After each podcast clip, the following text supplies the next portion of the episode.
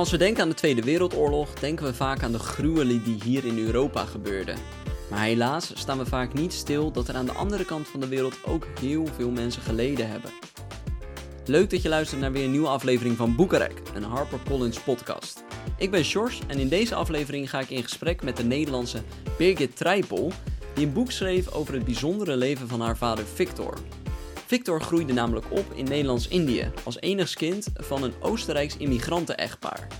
Maar omdat Oostenrijk deel uitmaakte van het Duitse Rijk, werden Victor en zijn familie bij het uitbreken van de oorlog gezien als de vijand.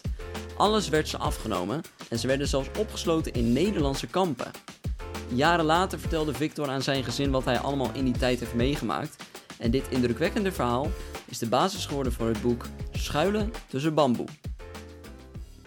Vandaag mag ik in de Boekarek podcast de auteur verwelkomen van het indrukwekkende en waargebeurde verhaal Schuilen tussen bamboe. Birgit Trijpel, welkom. Dankjewel, leuk ja, hier te zijn. Ja, leuk dat je, dat je even bij ons wil zijn om, uh, om te komen praten, helemaal vanuit Canada. Ja. Hoe is het? Het is helemaal goed hier, ja. Ik uh, zit in quarantaine, want ik ben uh, net van British Columbia naar Nova Scotia gevlogen. En hier uh, is het nog gesloten, dus uh, ik moet even 14 dagen binnen blijven.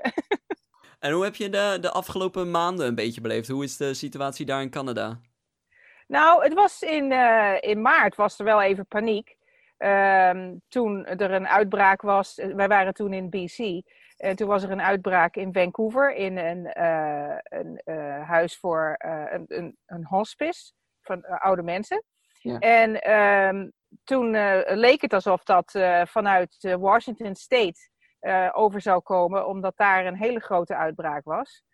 maar gelukkig kregen, we, kregen ze dat heel snel onder controle. En er is een dokter hier, die heet Dr. Bonnie Henry. die is helemaal beroemd geworden door hoe ze die crisis heeft onder de loep genomen en behandeld. En, en ze heeft um, zeg maar, um, restricties uitgevaardigd uh, die, waar we ons allemaal aan moesten houden. Um, en de, de aantallen uh, gevallen gingen direct naar beneden. Dus dat was eigenlijk uh, geruststellend. En waar ik woonde, in, uh, of waar ik woon, in Nelson, daar, is, daar was helemaal eigenlijk niks bekend. Dus um, ik, ik kan me niet herinneren in, in die hele periode dat er iemand ziek was in mijn omgeving. Okay. En en we zijn ook nog verhuisd in die tijd, dus we waren lekker druk. En, uh, en ik heb mijn boek gecorrigeerd in die tijd. dus uh, ik was van de straat. maar je hebt je in ieder geval niet onveilig gevoeld in die tijd? Nee, helemaal niet. Nee, nee, nee, absoluut niet. Er is ook veel ruimte hier, weet je. Het is, uh, er is plek om te gaan wandelen met je hond zonder dat je mensen tegenkomt. Dus ik heb me nooit opgesloten gevoeld. Want, want ja, voor jouw boek, Schuilen tussen bamboe, gaan we, ga je eigenlijk 75 jaar terug in de tijd. Ja. Um, ja, dus niet echt iets wat jij uit de eerste hand kan schrijven. Het is niet uh, jouw biografie natuurlijk. Uh, het gaat vooral over jouw vader. Uh, en, en over zijn leven in Nederlands-Indië, 75 jaar geleden. Kan je een beetje, zonder te veel te verklappen van het boek, een beetje te vertellen wat daar toen gebeurd is? ja, ehm, het is, mijn vader heeft een, een intrigerend leven.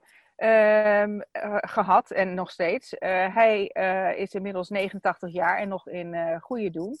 Ehm, hij is geboren in Bandung in Nederlands-Indië in 1931. En hij was kind van een Oostenrijks echtpaar. Um, dat Oostenrijkse echtpaar was geëmigreerd naar Nederlands-Indië in 1910. Um, en zij hebben daar een, na verloop van tijd een hotel gesticht. En dat hotel, uh, dat groeide en groeide. Mijn vader groeide daar op. Um, maar op een goed moment um, verloor hij om te beginnen beide ouders in 1939 in december. En dat was natuurlijk vlak voor dat de Tweede Wereldoorlog uitbrak in uh, mei uh, 1940. En hij is dus als wees door de oorlog gegaan omdat hij Oostenrijker was, heeft de Nederlandse staat uh, iedereen uh, die uh, een, een, Duitse of Oostenrijkse of Hongaarse of Tsjechische achtergrond had, tot staatsvijandelijk burger ehm, gebombardeerd. En dat betekende dat al hun bezittingen, inclusief hun hotel, werden geconfiskeerd. En vervolgens gedurende de oorlog verkocht. Ja. En dus dat is het begin van het verhaal. Ja, dat is al een heftig begin. Dat is al een heftig begin, ja. ja. Maar eigenlijk werd, werd jouw vader en zijn familie werd dus uh, eigenlijk gezien als de vijand. Ja, ze werden gezien als de vijand. Terwijl ze uh, al sinds 1910 in Indonesië of uh, Nederlands-Indië waren. Ehm, en uiteraard, waar, ze hadden Oostenrijkse paspoorten. Um, maar eh, de Eerste Wereldoorlog bijvoorbeeld is volledig aan hem voorbij gegaan, omdat Oostenrijk uh, neutraal was in die tijd. Ja. Uh, Oostenrijk was natuurlijk door de Duitsers ingelijfd in 1938. Uh, maar daar hadden ze helemaal niets mee te maken naar hun beleving. Zij uh, leefden hun leven in Nederlands-Indië. Ze waren geziene burgers. Ze deden mee aan activiteiten in, het, in de omgeving en in, ter verbetering van, van hun community. En uh, mijn, uh, ze gingen naar de kerk. Mijn oma was gelovig. Dus ja, dat, uh, dat werd uh, ineens een hele andere situatie toen de oorlog uitbrak. Ja, hoe, hoe was dit voor jouw vader? Nou, voor mijn vader denk ik ehm, veranderde er niet gelijk iets. wat het, de grootste verandering natuurlijk voor hem was, was dat hij beide ouders kwijt was. Ja. Ehm, maar wat, uh, wat voor hem uh, op, op een gegeven moment wel veranderde, was dat, dat hij zijn mond moest houden. Uh, want hij mocht geen Duits spreken. Terwijl die, Duits was natuurlijk thuis de voertaal. Maar hij zat op een Nederlandse school, dus hij leerde gewoon Nederlands. En met eh, Indische vriendjes en vriendinnetjes sprak hij Maleis. dus ja, ehm, hij, hij voelde zich natuurlijk enorm beknot in zijn vrijheid. Want hij kon niet meer zomaar de straten op als, als kind. Ehm, eh, want het was gevaarlijk. En eh, hij mocht eh, geen Duits meer spreken. Dus hij leerde heel snel zijn mond houden. Ja. Ja, maar ik bedoel, als, als kind, en zeker als je dan bij de ouders verliest en dan zoiets gebeurt, dat moet ook natuurlijk heel onwerkelijk voelen. Ja, nou, zo heeft hij het niet zeg maar tegen me gezegd, maar natuurlijk is dat zo. hij, hij had een tante uh, die uh, altijd al in dat hotel was. Ehm, en die heeft hem onder haar vleugels genomen. dus hij werd wel altijd opgevangen. Maar ja, hij was beide ouders kwijt, dus hij was wees. Ja.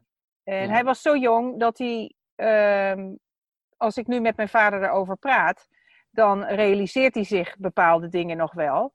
Um, maar uh, het is, het, sommige dingen zijn heel erg ver weggestopt geweest in zijn, uh, in zijn geheugen. Ja. Ja, want dit is natuurlijk wel iets wat, wat, ook al heeft hij het heel ver weggestopt, ik kan me voorstellen, is iets wat je je hele leven meedraagt. Natuurlijk, als je de, als je de oorlog hebt meegemaakt en gewoon zo, zulke heftige dingen op jonge leeftijd meemaakt. Hoe heb jij dat als zijn kind ervaren in jouw leven? Merkte je wel dat er iets in hem zat wat gewoon, ja, wat verborgen zat? Um, ik denk het eigenlijk niet. Um, hij, het, is niet zo dat, dat hij uh, trauma's had die, die op zijn kinderen heeft overgebracht. Maar wat ik wel merkte was dat mijn vader uh, behoorlijk zwijgzaam was. Um, en hij is eigenlijk pas gaan praten nadat hij uh, lichamelijke klachten kreeg. En uiteindelijk, hij was docent Duits op de middelbare school. En op een gegeven moment uh, viel die flauw voor de klas. En toen is uh, aan alle kanten medisch onderzocht. En um, ze konden helemaal niets vinden. Toen is hij uiteindelijk met een psycholoog gaan praten die hem zei: Ga je levensverhalen opschrijven. En dat is hij gaan doen met vallen en opstaan, want in het begin kwam er helemaal niks. En vervolgens kwamen er twee regels. En hij vertelde me dat op een gegeven moment kon hij bijna niet meer ophouden met schrijven. Ehm, dat document heeft hij uh, aan ons gegeven, aan mijn broer en mij. En dat uh, hebben we natuurlijk gelezen. En daar hebben we hem heel veel vragen over gesteld. Dus toen begon hij eigenlijk pas te praten over zijn verleden. Wat, wat had dat voor invloed op jou, dat je, dat je dat verleden opeens zo kon lezen? Ik vond het zo indrukwekkend. En voor mij betekende het ook dat ik dat verhaal wel, wel 80 keer van hem wilde horen. Want het is een ingewikkeld verhaal. En uh, een heleboel feiten moest ik wel, wel drie keer horen, wilde het echt bij me landen. Maar ik heb uh, eigenlijk direct nadat ik het verhaal hoorde, ik zat op de middelbare school, ehm, heb ik me voorgenomen om er een boek over te schrijven. Zo toen al? Ja, ik was, uh, ik denk dat ik een jaar of 17, 18 was toen ik uh, tegen mijn beste vriendin zei: Ik ga een, een, een, boek schrijven over het verhaal van mijn vader. En dat kan ze zich nu nog herinneren. Dus dat, is ook, dat staat ook in het voorwoord. En ik sprak haar onlangs en toen, toen kwam ze erop terug. Toen zei ze: Ja, dat boek wilde je al schrijven op de middelbare school. dus het is wel leuk dat ze zich dat herinnert. Maar dat is dan ook echt iets wat jij natuurlijk dan je hele leven gewoon met je meegedragen hebt. Van ik wil dit schrijven. Ja, ja. En op de een of andere manier had ik de rust niet, want ik, uh, ik was druk uh, met mijn eigen leven en uh, met banen en werk. En ik heb een eigen bedrijf gehad in Nederland. Dus ik, op de een of andere manier had ik de rust niet om te gaan zitten en te schrijven. En dat heb ik hier in Canada pas, pas kunnen doen. Ja, maar hoe was, jullie, uh, je zei, uh, jouw broer en jij kregen toen die, die, dat verhaal, zijn verhaal te lezen. Ja. Uh, was dat iets wat hij makkelijk deelde met jullie? Dat je dacht van, nou, lees dit maar? Ja, dat was, dat was eigenlijk vrij gemakkelijk. En hij was ook, um, toen hij het eenmaal aan ons vertelde, wij zijn natuurlijk zijn directe uh, gezin. Um, en mijn moeder heeft hij natuurlijk heel veel verteld. Was het denk ik een opluchting voor hem dat hij dat kon delen. Um, maar het was nog een heel feitelijk verhaal. Er, waren, dus er zat geen geur, smaak of uh, gevoel uh, in. Uh, nee. Hij had, had, gewoon opgeschreven hoe de dingen gegaan waren. Ja. En dat verhaal was eigenlijk de basis voor een reis die we gemaakt hebben met z'n vieren als gezin in 1990 naar, naar Java. En daar hebben we oude plekken van zijn, uh, uit zijn verleden opgezocht. Onder andere het hotel, dat er nog steeds was. En zelfs bijna uh, nog uh, op het oude hotel leek. We hebben daar in een van de cottages gezeten met z'n allen. En ik heb in de tuin gezeten, in een rottanstoel waar ook mijn oma ooit gezeten heeft. Oh. En die twee foto's lijken ook heel erg op elkaar. En dus dat was echt, uh, ja, dat was prachtig om dat samen met hem uh, te doen. Uh, dus ik heb, ja, ik heb altijd de wens gehad om dit boek te schrijven. Ja, maar was dat uh, confronterend voor hem? Dat hij, dat hij opeens weer op de plek was waar het allemaal gebeurd was? Oh ja, ja. Het was heel emotioneel. Ehm, en hij heeft ook één oude vriend nog ge gesproken, met wie hij altijd Maleis sprak. En hij dat was zo verbazingwekkend. Hij schakelde in no time over uh, op Maleis. En ik had hem nog nooit Maleis horen spreken. Oh, wauw. ja, dus dat, dat kwam ineens allemaal uh, terug. Ja, oh, dat lijkt me een, uh, een vreemde gewaarwording dan. Ja, ja. ja het, dat was heel mooi om te zien. Maar dan zeg jij op je zeventiende van ik ga dit verhaal opschrijven en tot een boek verwerken. Ja. Um, en dan, en dan heb je het, wat je zegt, drie jaar geleden ben je het dan ook daadwerkelijk gaan doen. Ja. Uh, daar zit dan aardig wat jaar tussen. Uh, met... 80. Ja. Dacht hij niet van, uh, joh, ik heb dit verhaal toch aan je verteld. na al die jaren kom je er weer zo op terug. Ja, nou hij zei tegen me, ehm, wanneer ga je het nou eens echt doen? En uh, toen zei ik, ja, daar heb je gelijk in. Je bent nu inmiddels 85. En ik realiseerde me ook dat uh, er heel veel van uh, zijn oude vrienden al aan het overlijden waren. Mensen die met hem in Indonesië gezeten hebben in die tijd. Um, dus er was, het was eigenlijk het uur-u.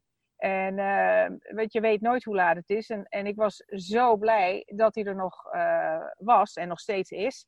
Want zoveel details die ik in het boek heb verwerkt, waren gewoon uh, onvindbaar, uh, niet in zijn stuk verwerkt. En, uh, en ehm, ja, die had ik gewoon uit mijn duim moeten zuigen. Um, en nu heb ik uit eerste hand interviews met hem afgenomen. Ik ben eerst een half jaar met hem via Skype, want hij woont in Frankrijk en ik natuurlijk in Canada. Um, ben ik Skype-gesprekken met hem gaan doen, iedere maandag. En dat hebben we een half jaar gedaan. En op grond daarvan ben ik gaan schrijven. Hoe was dat voor hem? Dat, dat jij, uh, dat hij gewoon nu echt wist van, nou ja, herinnert jou eraan van, of motiveert je eigenlijk, van uh, wanneer ga je het nou eens doen? Uh, en dan, ja, dat kan me voorstellen voor hem op, op die leeftijd natuurlijk ook, dat er aardig wat details opeens naar boven komen die hij misschien al dacht vergeten te zijn. Ja, er was heel veel wat hij vergeten was. Of dan zei hij, ja, dat kan ik me niet herinneren. Maar dan ging ik dingen opzoeken online en die ik dan naar hem e-mailde. En dan zei hij, oh ja, zo was het. En dan kwam er heel veel boven. En dan kwamen er ook weer nieuwe verhalen boven. En uh, gebeurtenissen die hij uh, uh, zich ineens herinnerde. Dus dat, dat was echt prachtig. En, eh, maar dat boek is voor hem echt iets wat... Hij, hij rolt van de ene in de andere verbazing, vertelt hij me. En hoe, wat heeft dit gedaan eh, met de band tussen jou en je vader? Nou, die is, die is enorm verdiept. Eh, ik had altijd al een goede band met mijn vader. Ehm, maar door, door de interviews af te nemen, eh, kreeg ik natuurlijk zoveel meer informatie. En er waren ook momenten die voor hem confronterend waren, waar we natuurlijk samen doorheen zijn gegaan. En eh, dus ja, het was echt een onvergetelijke reis eigenlijk die ik met hem heb afgelegd. Ja, dat kan ik me voorstellen. Ik ook denk wel zeggen dat je hem ook beter bent gaan begrijpen als persoon. Absoluut, absoluut. Ja, ja. En, en eh, nou, nu eh, ligt het boek dan in de winkel. En dan, dan is eigenlijk dat, dat verhaal wat dat heel persoonlijk is, wat jullie als gezin ja, hebben meegemaakt, hebben meegenomen die je hele leven, ehm, ligt er opeens voor iedereen om te lezen. ja. Hoe, wat, wat, wat doet dat met jullie? Nou, het is ontzettend spannend voor ons. Eh, het is een verhaal dat eh, een invalshoek heeft eh, die eh, zeg maar betrekkelijk nieuw is. Een heleboel mensen kennen natuurlijk verhalen over Nederlands-Indië vanuit ofwel de Nederlandse kant of van de Indo-Europese kant. Maar een verhaal zoals dit verhaal, daar zijn er nog niet zo heel veel van. Ehm, en ehm, ja, wij zijn erg benieuwd natuurlijk hoe de reactie zal zijn op het boek. Maar het is eh, al spannend genoeg dat er een boek is. En, eh, want mijn vader zei steeds, eh, ja, nou, nu heb ik een verhaal geschreven en ik heb hem op een gegeven moment de final draft van mijn manuscript overhandigd. Ehm, maar dat het echt een boek zou worden uitgegeven door een uitgeverij als HarperCollins, dat had hij zich helemaal niet kunnen voorstellen. Nee, maar je zegt dit is eigenlijk een, een, een deel van de geschiedenis ook waar eigenlijk nog niet zo heel veel over gezegd en geschreven wordt. Ja, Ja. de invalshoek is anders, omdat ze de- als de vijand werden aangewerkt. Ja, denk je, denk je dat dit deel ook gewoon eigenlijk gewoon te weinig aandacht krijgt? Nou, ik denk dat het eh, heel weinig aandacht in het verleden gehad heeft. Eh, en ik denk ook dat er nu nog niet heel veel over bekend is. Maar mijn vader voelt zich in heel veel opzichten zoals de Indo-Europese gemeenschap zich voelde na de oorlog. En iedereen werd gewoon verzocht om zijn mond te houden. Ehm, want in Nederland eh, ja, vonden de Nederlanders dat de, de oorlog was daar veel erger geweest dan in, dan in Nederlands-Indië. Want het was daar warm en je kon daar toch de bananen zo van de bomen plukken. En eh, weet je, dus de, de- en in Nederland eh, eh, was natuurlijk een hongerwinter geweest en aten de mensen tulpenbollen. Dus het kon nooit erger zijn dan, eh, dan wat er in Nederland was gebeurd. Nee. Eh, en die hele groep van, ehm, van emigranten die natuurlijk na de oorlog naar Nederland gekomen is, ehm, dat, dat waren er meer dan 300.000. Ehm, daar voelde mijn vader zich mee verbonden. Hij, hij heeft weliswaar geen Indisch bloed, maar hij eh, is een totok, zoals ze dat noemen. Dus een, een blanke Europeaan die geboren is in eh, Nederlands-Indië. Dus zijn roetslagen daar. En eh, in, in die zin is, is er, zijn er heel veel overeenkomsten met, met de Indo-gemeenschap. Maar heeft hij, daar, heeft hij daar ooit moeite mee gehad? Van dat, dat, dat er inderdaad werd gezegd alsof de oorlog hier in Nederland erger was dan wat zij daar hebben meegemaakt? Oh ja, ja. Maar hij, weet jij, hij, toen hij klein was, leerde hij al om te zwijgen. Eh, en eh, toen hij in Nederland kwam, ehm, eh, zweeg hij opnieuw. Dus dat is ook waarom hij zijn verhaal zo lang verborgen gehouden heeft. Omdat hij gewoon verzocht werd om zijn mond te houden. Ja. Denk je dat hij ooit een, een wrok heeft gekoesterd tegen Nederland? Ook omdat ze gezien werden als de vijand? Nou, ik denk wel dat er wat eh, dat er gevoelens waren van, eh, van on- ontevreden zijn over eh, de situatie. Maar het, het ironische van het hele verhaal is dat hij uiteindelijk met mijn moeder getrouwd is, die Nederlandse is. En, ehm, en hij is in Nederland gaan wonen en heeft zich tot Nederlander laten naturaliseren. Dus hij heeft nu een Nederlands paspoort. En ehm, het- het- ja, dat, dat is eh, eigenlijk dat is het eind van het verhaal natuurlijk. Dat hij ehm, eh, in het land is gaan wonen, dat zijn familie alles afgenomen heeft. Ja, nou, daar is wel een bepaalde, een bepaalde moed voor nodig. Nou, dat, vind ik ook, ja. Ja. ja. Maar hij had, ehm, weet je, hij had verbindenis met de Nederlanders die in Indonesië waren geweest, of in Nederlands-Indië hadden gewoond.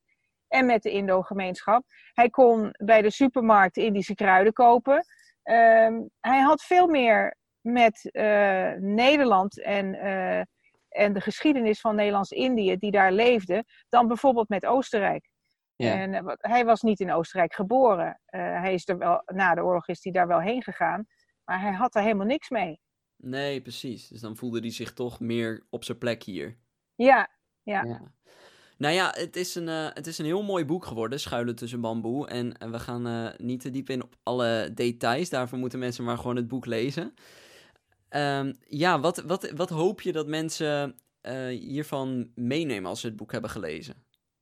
Ik hoop dat ze zich realiseren ja, dat er een heleboel verschillende groeperingen waren die ehm, ongewenst in de oorlog terechtkwamen en alles verloren hebben. Um, dat de Nederlanders zich in sommige gevallen natuurlijk net zo gedragen als, als welke vijand dan ook. Um, en dat, dat er een dialoog uh, zou moeten zijn uh, over deze dingen. Um, en de Indo-gemeenschap in Nederland heeft al jarenlang gelobbyd om die dialoog op gang te krijgen. Nu is er uh, eh, 75 jaar vrede. Maar in Indonesië en in Nederlands-Indië in die tijd heeft het tot 1949 geduurd voordat die vrijheid er kwam. Dus vier jaar langer. Vanwege de Nederlandse politionele acties en dat soort dingen. Dus um, de overheersing van Nederland duurde veel langer dan, dan 1945. Um, ehm, en dat betekende dat, dat veel van die mensen, of het nou mijn vader was uh, of de Indo-gemeenschap, um, niet in vrijheid leefden. Nee, ze werden nog steeds onderdrukt. Ze werden, eh, ja, ze werden onderdrukt of ze werden, uh, het was gevaarlijk voor ze, want er waren heel veel verschillende bewegingen gaande en de Indonesiërs wilden onafhankelijk zijn. Ja, en Birgit Trijpel, ik wil jou heel erg bedanken voor, uh, voor jouw bijdrage in deze podcast vandaag. Dankjewel, ik vond het erg leuk om er te zijn. Wil je nou meer weten over het bijzondere verleden van de familie Trijpel? Het boek Schuilen tussen bamboe van Birgit Trijpel ligt nu in alle on- en offline boekhandels of kijk even op harpercollins.nl. En dat was het weer voor deze aflevering van de Boekenrek podcast. Voor meer gesprekken vind je ons op Apple Podcast, Spotify en alle andere podcast apps. Als je daar ook meteen even een 5 sterren review achter wil laten, dan kunnen nog meer mensen genieten van gesprekken met hun favoriete auteurs. Voor nu wens ik je nog een fijne dag, blijf gezond en blijf vooral lekker lezen. Tot de volgende keer.